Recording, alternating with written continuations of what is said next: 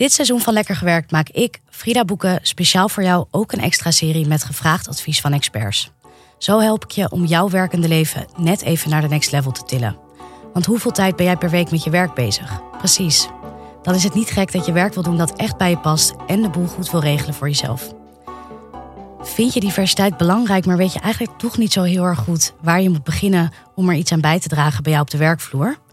Dan zit je vandaag goed. Ik zit hier vandaag met Nadine Ridder, onder andere trainer op het gebied van diversiteit en inclusie. En vandaag gaan we het hebben over diversiteit.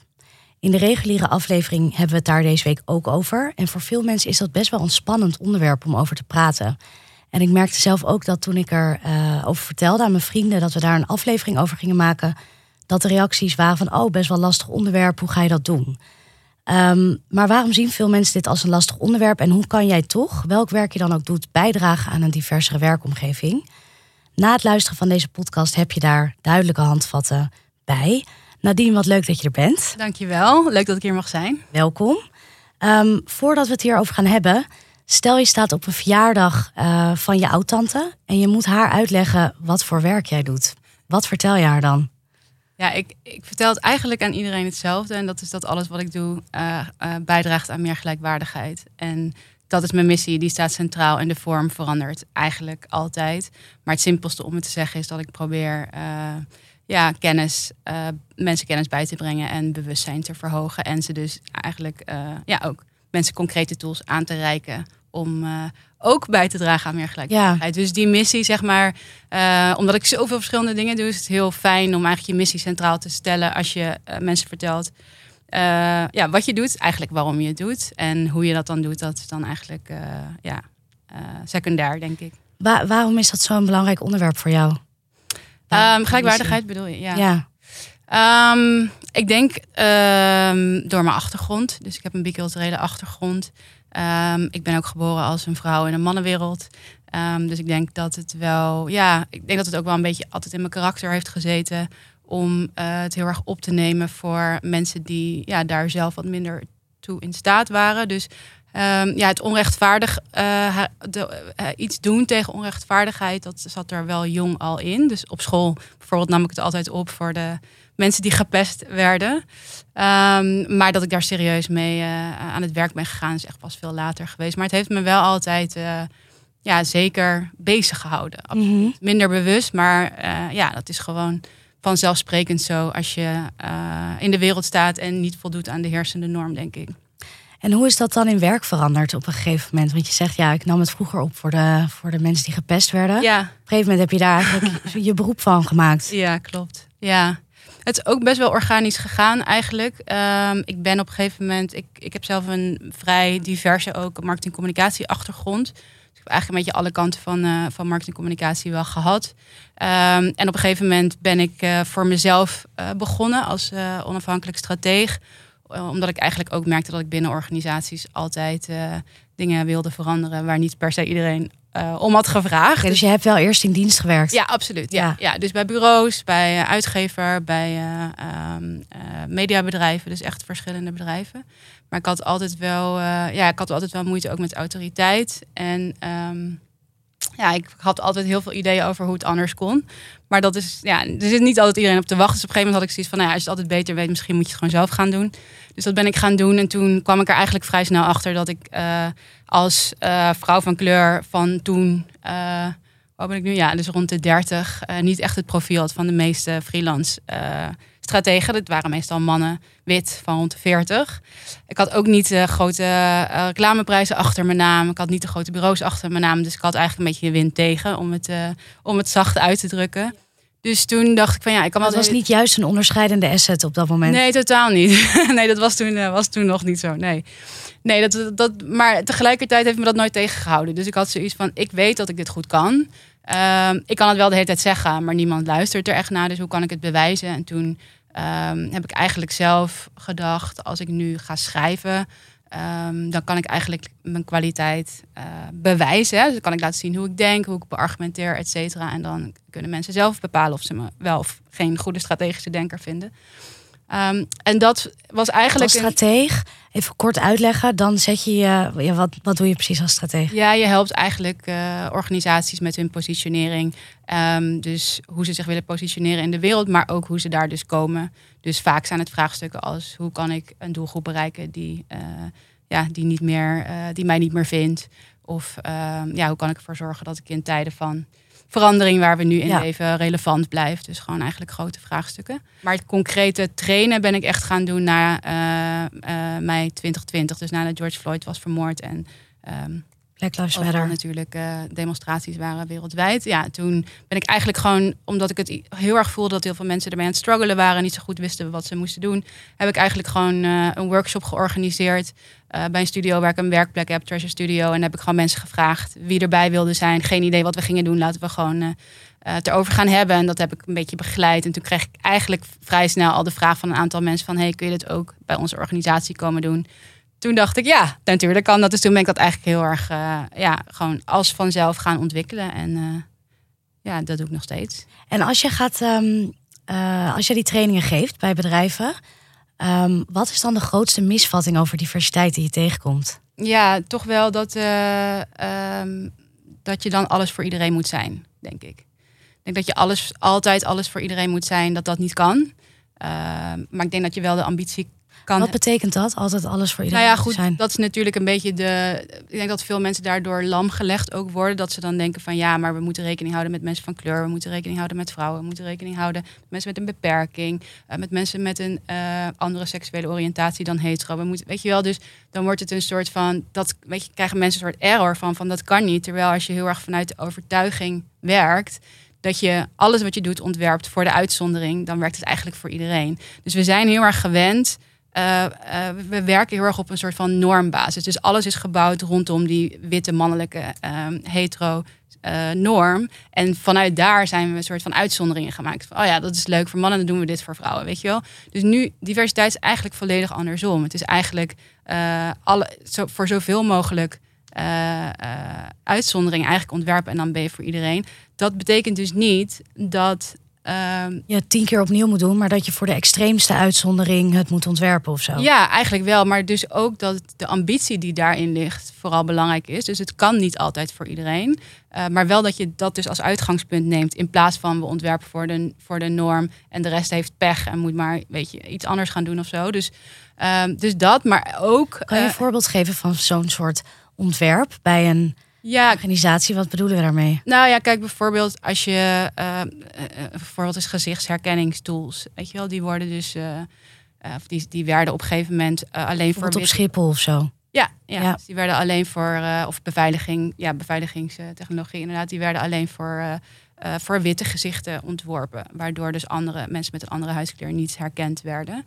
Um, ja, of huidskleurige panty bij de HEMA of zo. Ja, precies. Dus dan, ja, dan begin je dat, dat. Ja, ik zeg het ook altijd van. Je, wat je ook bewust van moet zijn, is dat het, het is niet een soort gelijkwaardigheid van alle verschillende type mensen. Weet je wel? Dus het is niet zo van. Oh, de ene keer waren we zwarte mensen vergeten, de andere keer waren we de witte mensen vergeten. Nee, de norm is wit. Dus vanuit daar wordt alles gemaakt.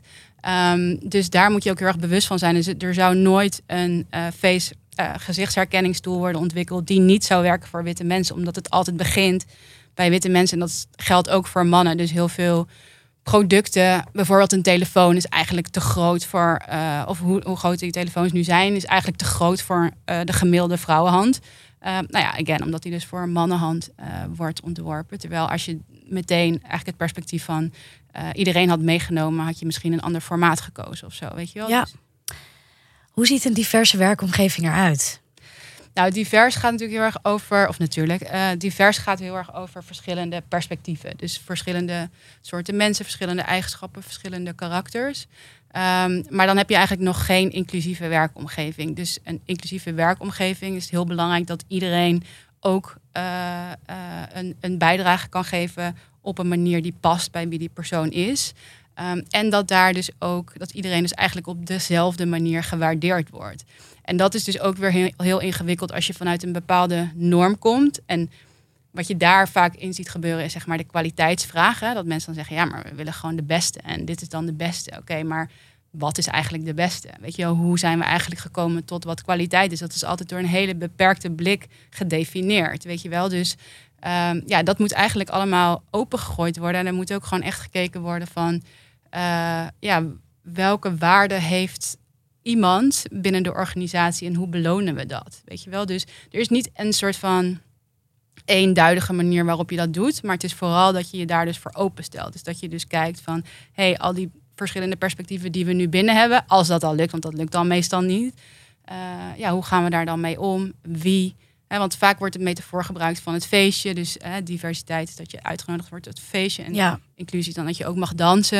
Nou, ik sta daar niet helemaal achter, omdat uh, ja, wie nodigt dan uit? Hè? Dus, en en wie, wie zegt dan dat je mag dansen? Dus daar zit nog heel erg een soort machtsverhouding in. Van, Ja. Jij mag van mij eh, komen dansen. Nou, het is wel grappig, want ik heb dit voorbeeld dus precies gebruikt ook in de eh, aflevering die we hebben gemaakt over diversiteit. Mhm. En als je hem bekijkt vanuit zeg maar werkgeversperspectief, Mhm. dan zie je eigenlijk zeg maar de poorten van het, van, van het bedrijf zijn eigenlijk ook de poorten naar het feest.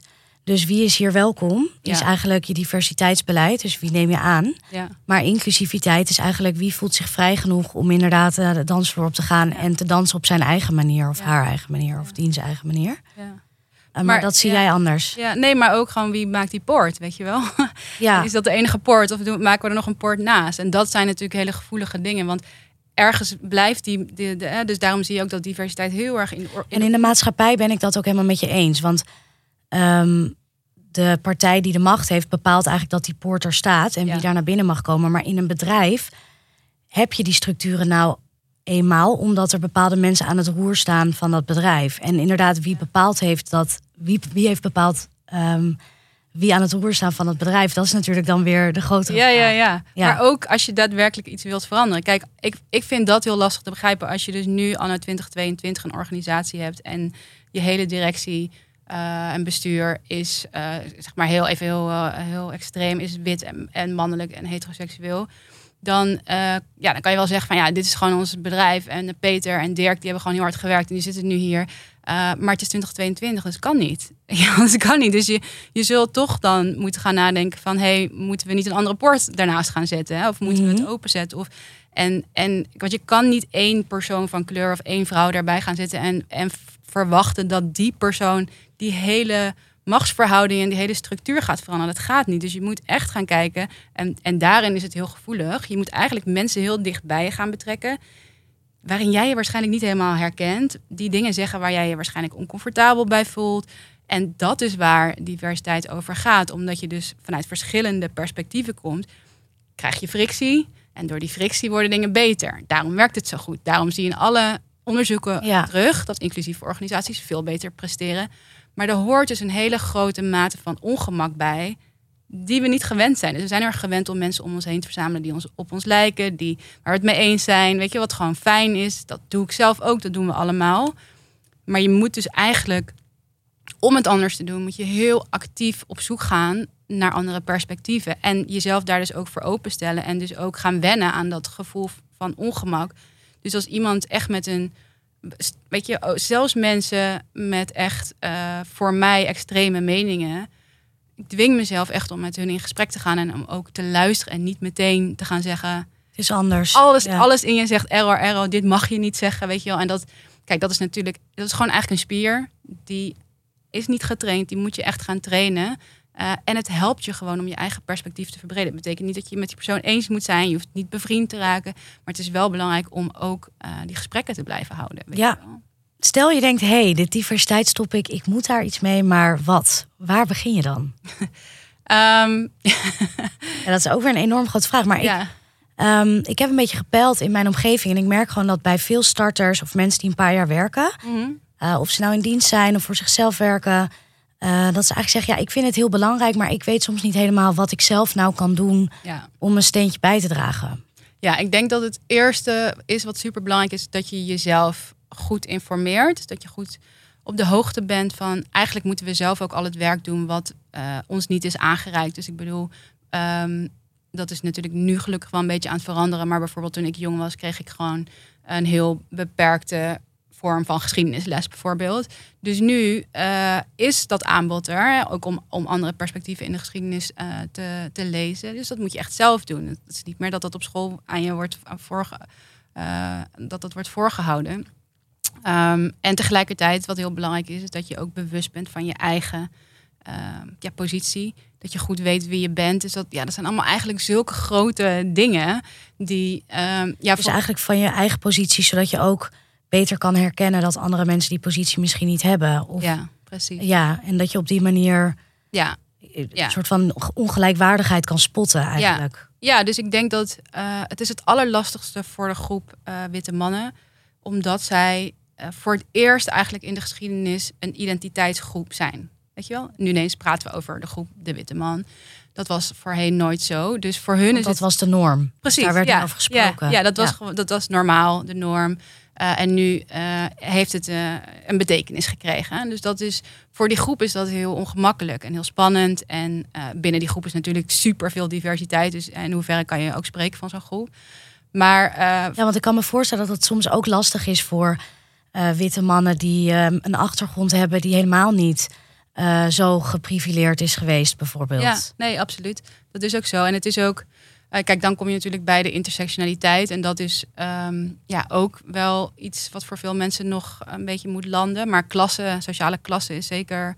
Uh, maar iets als een beperking natuurlijk ook een hele Ja. bepalende factor. Maar het is geen wedstrijd, hè? Het is niet van wie, Nee. heeft het. Kijk, wat je vaak ziet is dat dus mensen uh, vanuit een lage sociale klasse ook beter begrijpen hoe uitsluitende um, Uitsluiting methoden werkt, werken. ja. Ja. omdat ze het ook ondervinden. Hetzelfde geldt voor vrouwen. Eigenlijk iedere vrouw uh, heeft wel op een bepaalde manier ervaren hoe het is om niet bij die norm te horen. Dus dan gaat dit hele thema gaat er natuurlijk veel makkelijker in. Terwijl dus juist bij die meest geprivilegeerde groep het altijd normaal tussen aanhalingstekens weer is geweest. En nu voelt het ineens alsof er een probleem is. Terwijl voor de meeste mensen er natuurlijk altijd een probleem was.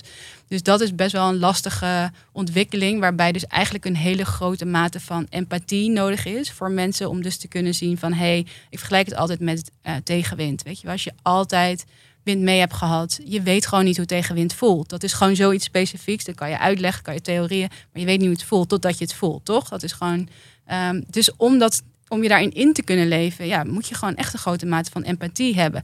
Nou, dat is dan ook weer niet echt iets wat we heel erg hebben geleerd. Weet je wel dat dat belangrijk is? Want je moet uh, scoren ten, ten koste van anderen, weet je wel. Dus ja, ik heb daar ook wel weer gewoon empathie voor. Dat ik zie altijd wel die struggle en ik zie ook dat dat niet makkelijk is, weet je wel, om, uh, om, om, om nu eigenlijk te leven. Ja. ja. Dus als je dan vraagt, ja, wat kun je doen? Uh, praten met mensen, dat is echt super belangrijk. Ik denk dat je gewoon uh, ook, zeg maar, wat je heel erg ziet bij mensen die dus zelf vanuit een hele geprivilegeerde omgeving komen, maar wel, uh, stel, een witte man krijgt een, een, zwarte vrouw als partner en zij krijgt een kind, zie je alweer een hele andere dynamiek, omdat ze ineens de wereld ervaren door ook de ogen van de partner en het kind. Um, dus daarom is diversiteit ook zo belangrijk. Dat je iemand in je vriendengroep hebt. Of en niet iemand, dat je meerdere mensen in je vriendengroep hebt. Dat je familieleden hebt. Dat je met mensen werkt die andere dingen tegenkomen dan jij. Zodat je dat, zeg maar, uh, ja, ook door hun ogen kunt ervaren. En dan voel je het nog steeds niet zelf. Maar dan ben je wel veel meer bewust van hoe de wereld werkt. Dan dat ja, iedereen die je kent ateneem heeft gedaan. En uh, Egbert Jan heet en uh, uh, ja, nou ja, alle wind mee heeft gehad. Dus even vinkjes, zeg maar. Ja. Dus um, ja, daarom is het belangrijk. Dus dat, dat is ook dan, te, ja. Dus tip 1 is eigenlijk van verdiep je in de ander en, um, en ja, in de wereld achter ook. wie je zelf, wie ja. zelf bent ja. en welke wind mee je misschien zelf hebt gehad of wind tegen. Ja, absoluut. Ja. Ik hoor ook wel van veel leeftijdsgenoten die um, nou zelf niet zo heel veel last hebben van wind tegen en dus vooral wind mee hebben gehad. Um, dat ze zeggen, ja, dat hele diversiteit, dat boeit mij eigenlijk niet zo heel erg. En wat kan je nou tegen zo iemand zeggen om die persoon mee te krijgen? Of ja. moet die persoon überhaupt meekomen? Nou, dat moet die persoon helemaal zelf weten. dat is, ja, ik denk dat dat, dat, dat uh, echt een, een, eigen keuze is. Maar wat ik wel uh, um, ja, dan altijd zeg, en wat ik ook echt belangrijk vind, is dat, kijk, deze ontwikkeling die door sommige mensen uh, ook nog steeds als een trend wordt gezien of iets tijdelijks. Beetje als het internet. Zoals het internet, ja. Dat zeiden mensen toen ook. Het gaat niet weg. Het ontwikkelt zich alleen maar. Dus uh, het bewustzijn is gewoon nu groter geworden. Er komt, er komt meer ruimte voor, voor mensen die dat eerder niet hadden. Dat zal zich alleen maar eh, verder ontwikkelen. Er zal ook weerstand komen, maar het zal niet teruggaan. Uh, want het gaat over bewustzijn, wat al, die kan niet terug in bewustzijn. Dus um, ja, wat gewoon, uh, ook, het, is, het is gewoon iets wat steeds belangrijker gaat worden um, op allerlei soorten gebieden. Dus kijk, het is meer van, wil je onderdeel worden van de toekomst of wil je onderdeel zijn van de geschiedenis, weet je wel? Dus je ziet het ook heel erg aan, ja, vaak natuurlijk witte heteroseksuele mannen op posities van macht. Um, die willen niet, die snappen het ook niet, want die hebben het ook niet nodig. Die zijn altijd comfortabel geweest. Maar iedereen die daar nu naar kijkt, die. Uh, en dan noem ik bijvoorbeeld iemand als John de Mol. Wat zal iedereen maar zal, te noemen. Iedereen zal herkennen. Uh, dat is trouwens uh, ook echt een tip. Tim Hofman heeft een programma Pak de Macht, heet het volgens mij. Waarin hij ook in gesprek ging met de directeur van Schiphol. Eigenlijk eenzelfde soort type die eigenlijk dus uh, op het moment dat hij vraagt van um, uh, iets vraagt over zijn macht, eigenlijk zegt: Ik heb helemaal geen macht. Uh, mijn, mijn positie is een machtige positie, maar ik als persoon heb geen macht. En dat eigenlijk heel erg aangeeft dat ja, deze personen dus helemaal niet bewust zijn van hoe een machtsstructuur werkt en vooral hoe dat voor mensen is die geen macht hebben. Um, maar iedereen die er naar kijkt en die dus niet op die positie zit, die voelt denk ik heel duidelijk van dat is niet de persoon die je wil zijn anno 2020. Want je staat heel ver weg van de mensen in je organisatie. Uh, je staat heel erg alleen. Uh, en je voelt ook dat het iets is, en dat zie je natuurlijk zeker in zo'n dynamiek met een Tim Hofman, die dan eigenlijk heel erg een nieuwe generatie, een nieuw geluid vertegenwoordigt. Uh, ja, dan zie je heel duidelijk, wil je onderdeel zijn van, van de toekomst. De toekomst. Of van mensen die daar op een bepaalde manier zijn gekomen en daar ook in vastzitten. Dus ehm, ja, ik zou zeggen tegen deze jongens, uh, wordt geen uh, John de Mol. Ja, goeie. Nou, tip. En um, ja, hoe kom je er ook achter wat je eigen blinde vlekken zijn? Want het is best wel lastig. Een blinde vlek is niet voor niks uh, blind ja, natuurlijk. Ja, ja, ja. ja, nou ja, dat, dat is eigenlijk ook door anderen. Dus ik denk ook dat het heel belangrijk is dat je, dat je, um, dat je zelf ook veilig bent om feedback te ontvangen. Dus op het moment dat iemand je ergens op aanspreekt, zijn we natuurlijk heel erg geneigd om te zeggen: ja, maar ik bedoel het niet zo. Of nee, ik ben geen racist. Of uh, mijn tante die vindt het wel goed uh, dat je dit zegt. Of... Mijn buurman is Marokkaans, dus ik ben. Dat... Ja, ja, precies. Ja. maar dat je zegt: dankjewel voor deze feedback. En je hoeft niet te zeggen meteen van ik ben het ermee eens, gaat veranderen. Maar ontvang het gewoon respectvol. Zeg gewoon bedankt dat je me hierop wijst. Ik ga erover nadenken. Um, en de volgende keer zal iemand zich misschien veilig voelen om nog een keer je ergens op te wijzen. Ja, reageer je uh, met ja maar en dan allemaal dingen. Dan denkt iemand ook ja, ik ga ook niet meer met die persoon het gesprek aan. Um, dus dat is wel echt een belangrijke tip. Sowieso luisteren. Echt luisteren is zo belangrijk. Nou, het vraagt dus eigenlijk om een hele andere aanpak van hoe we normaal gesproken ons persoonlijke of ook ons professionele netwerk aanpakken. Namelijk, we, zijn, we hebben dezelfde opleiding gedaan, we gaan in hetzelfde werkveld werken. Nou ja, mhm. gewoon wie kom je tegen op de feestjes. Uh, en dit vraagt dus echt om, om, een, ja, om, om, om meer werk. En vooral wat belangrijk is, is, of wat kan helpen, is dus naar omgevingen te gaan waar je, ja, waar je normaal misschien niet zelf heen zou gaan. Wat ik zelf heel erg doe, is dat ik echt heel bewust niet alleen in één bepaalde uh, industrie ben blijven werken. Dus heel veel mensen bijvoorbeeld in de industrie waar ik vandaan kom, marketing communicatie, die kennen elkaar ook allemaal. En dat is dan een bubbel, weet je wel. Maar ik ben al heel uh, bewust altijd uh, ook naar de culturele sector gegaan. Maar ook bijvoorbeeld heb ik gewerkt in de consultancy of in de, in, ja, eigenlijk allerlei verschillende gebieden. Dat ik steeds denk van, hé, hey, deze mensen lijken niet op mij. Misschien voel ik me niet meteen comfortabel, want dit is niet mijn achtergrond. Maar ik wil er wel iets over leren. En dan krijg je eigenlijk als vanzelf een veel diverser netwerk dan, uh, ja, dan dat je gewoon maar doet wat er op je afkomt. Dus het vraagt eigenlijk een meer een proactieve houding in gewoon omgevingen opzoeken. Ja, waar je niet meteen zelf misschien wordt uitgenodigd of zo. Maar zie het gewoon als een, uh, ja, als een verrijking van je, van je eigen leven, denk ik. Kijk, waarom, wat ik zelf eigenlijk heb gemerkt, is op de momenten dat ik dus dat mensen mij op blinde vlekken hebben gewezen, dat ik dus dacht van hé. Hey, uh, wat deze persoon nu tegen mij zegt.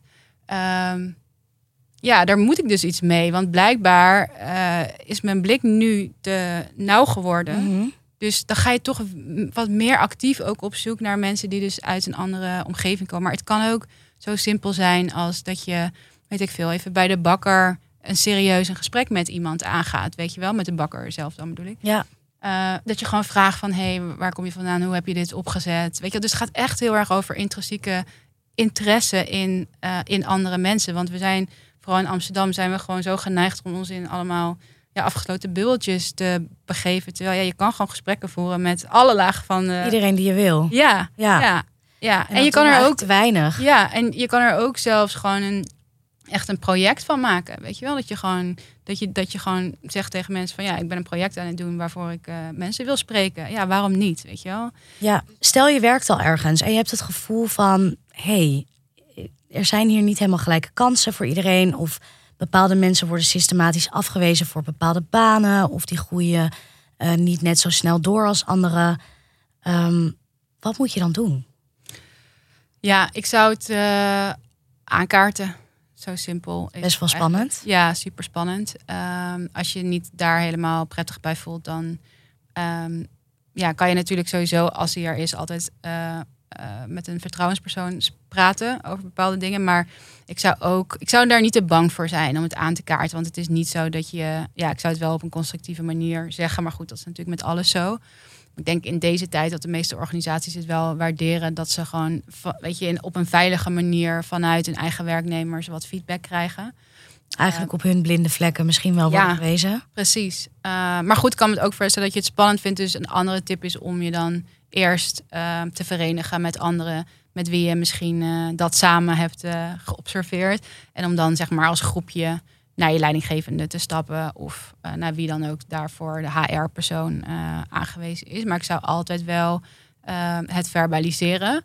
Want ik geloof ook wel heel erg dat als je, um, ja, als je dat, dat je, ook als je dat zelf ervaart, als je daar ook bepaald ongemak ervaart, het, op het moment dat je daar niks van zegt, betekent niet dat die negatieve energie er niet is. Dus even los van de mensen die het direct benadeelt, is het voor jou ook niet een fijne manier om ergens te werken. Dus uh, ik denk dat ook de hele open feedbackcultuur steeds normaler wordt. En dat organisaties ook steeds meer inzien dat het ze helpt.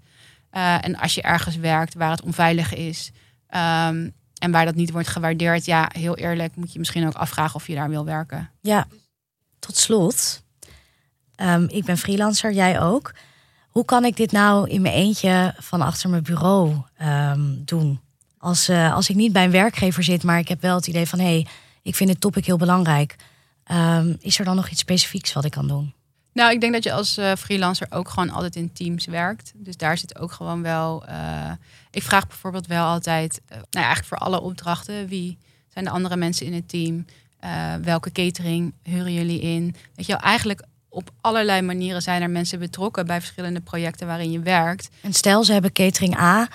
Uh, wat, ja, wat nou ja, dat dan? Nou ja, nou ja, bijvoorbeeld als je, het, als je het gevoel hebt, want dan gaat het een beetje om als je het gevoel hebt van hé, hey, uh, we, doen nu dit project, ik zie alleen maar witte mensen en uh, ik zie hier weinig diversiteit.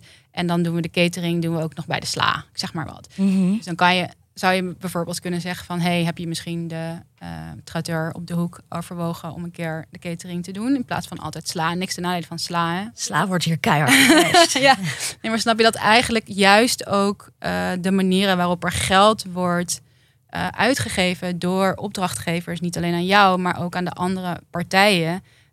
ja, daar kan je ook gewoon in helpen met suggesties. Weet je, want dat is eigenlijk ook de andere tip uh, was ik even vergeten, ook voor de mensen in organisaties, maar dus ook buiten organisaties. Uh, probeer gewoon met een oplossing te komen. Want bedrijven worden altijd heel moe als je iets komt zeggen. En dan denken ze, oh, dan moeten we weer wat mee. Maar als je gewoon en zelf... ze weten dan zelf niet helemaal wat, bedoel je? Nee, maar ze hebben ook gewoon druk en geen zin, weet je wel. Dus als jij het belangrijk vindt... Dat is niet goed, hè, by the way. Maar dat is wel vaak zo. Dus als jij het belangrijk vindt, kom dan, kom dan gewoon met oplossing. Dus bijvoorbeeld, uh, net dat voorbeeld. Uh, als je denkt van, nou, we kunnen wel een keer een andere catering doen... Uh, want bijvoorbeeld, we zitten hier ook in een bepaalde wijk waar gewoon heel veel andere opties zijn. En dan gaan we weer voor een sla, weet je wel zo. Dat je gewoon drie opties geeft van hé, hey, ik weet toevallig dat dit tentje echt super goed eten heeft en dit en dit. Ja, dan is het voor iemand gewoon heel makkelijk om dat door te voeren. Terwijl als je gewoon zegt van ja, ik wil niet bij slaan, dat iemand denkt, ja, oh, wat, moet, wat wil je dan, weet je wel. Ja. Dus kom gewoon met oplossingen. En um, ja, ik denk ook wel wat, wat, wat, een, wat een belangrijke is, is om uh, uh, je ogen open te houden voor kansen voor mensen die uh, nog niet zeg maar de projecten doen waar jij misschien in werkt. Dus wat ik zelf graag doe, is ja, gewoon, gewoon mensen erbij vragen om te assisteren. Die, ik word gewoon ingehuurd en dan zeg ik gewoon, vind je het goed als ik deze persoon Eh, en dat is natuurlijk ook voor mijn eigen werkdruk, maar ook gewoon omdat die persoon dan naar binnen kan die dat misschien zelf niet zou kunnen. Dat kan je natuurlijk niet voor iedereen doen, maar je kan wel altijd nadenken van hé, hey, uh, ja. Ja, kan ik iemand anders helpen? Ja, Eigenlijk een soort kruiwagen spelen. Ja, ja zeker. Um, nou, resume. Aan de slag met de blinde vlekken. Wie ben je zelf? Heb je wind meegekregen, wind tegen? Um, en nou, kijk daarin ook in je eigen omgeving. Hoe is dat voor anderen? breid je netwerk uit. Dus begin een keer een gesprek met de bakker. Um, en uh, nou, misschien begin wel een project om uh, elke week iemand nieuws te ontmoeten en daar uh, ook echt even mee te praten. Probeer kruiwagen te spelen voor anderen. Als jij zelf als freelancer nou, de deuren wagenwijd open voor je hebt staan, trek dan vooral iemand met je mee. En kijk ook naar de geldstromen. Als er uh, als er budget wordt uitgegeven, bijvoorbeeld aan een catering, zorg dan dat het geld wordt uitgegeven bij caterings die bijvoorbeeld niet op elke cateringlijst staan, maar net even anders zijn. Um, en als je je niet alleen durft uit te spreken tegen misstanden op het gebied van diversiteit bij je bedrijf, vorm dan een groepje en, um, en doe het op die manier. Samen sta je sterk. Nadine, heel erg bedankt. Gedaan, heel bedankt.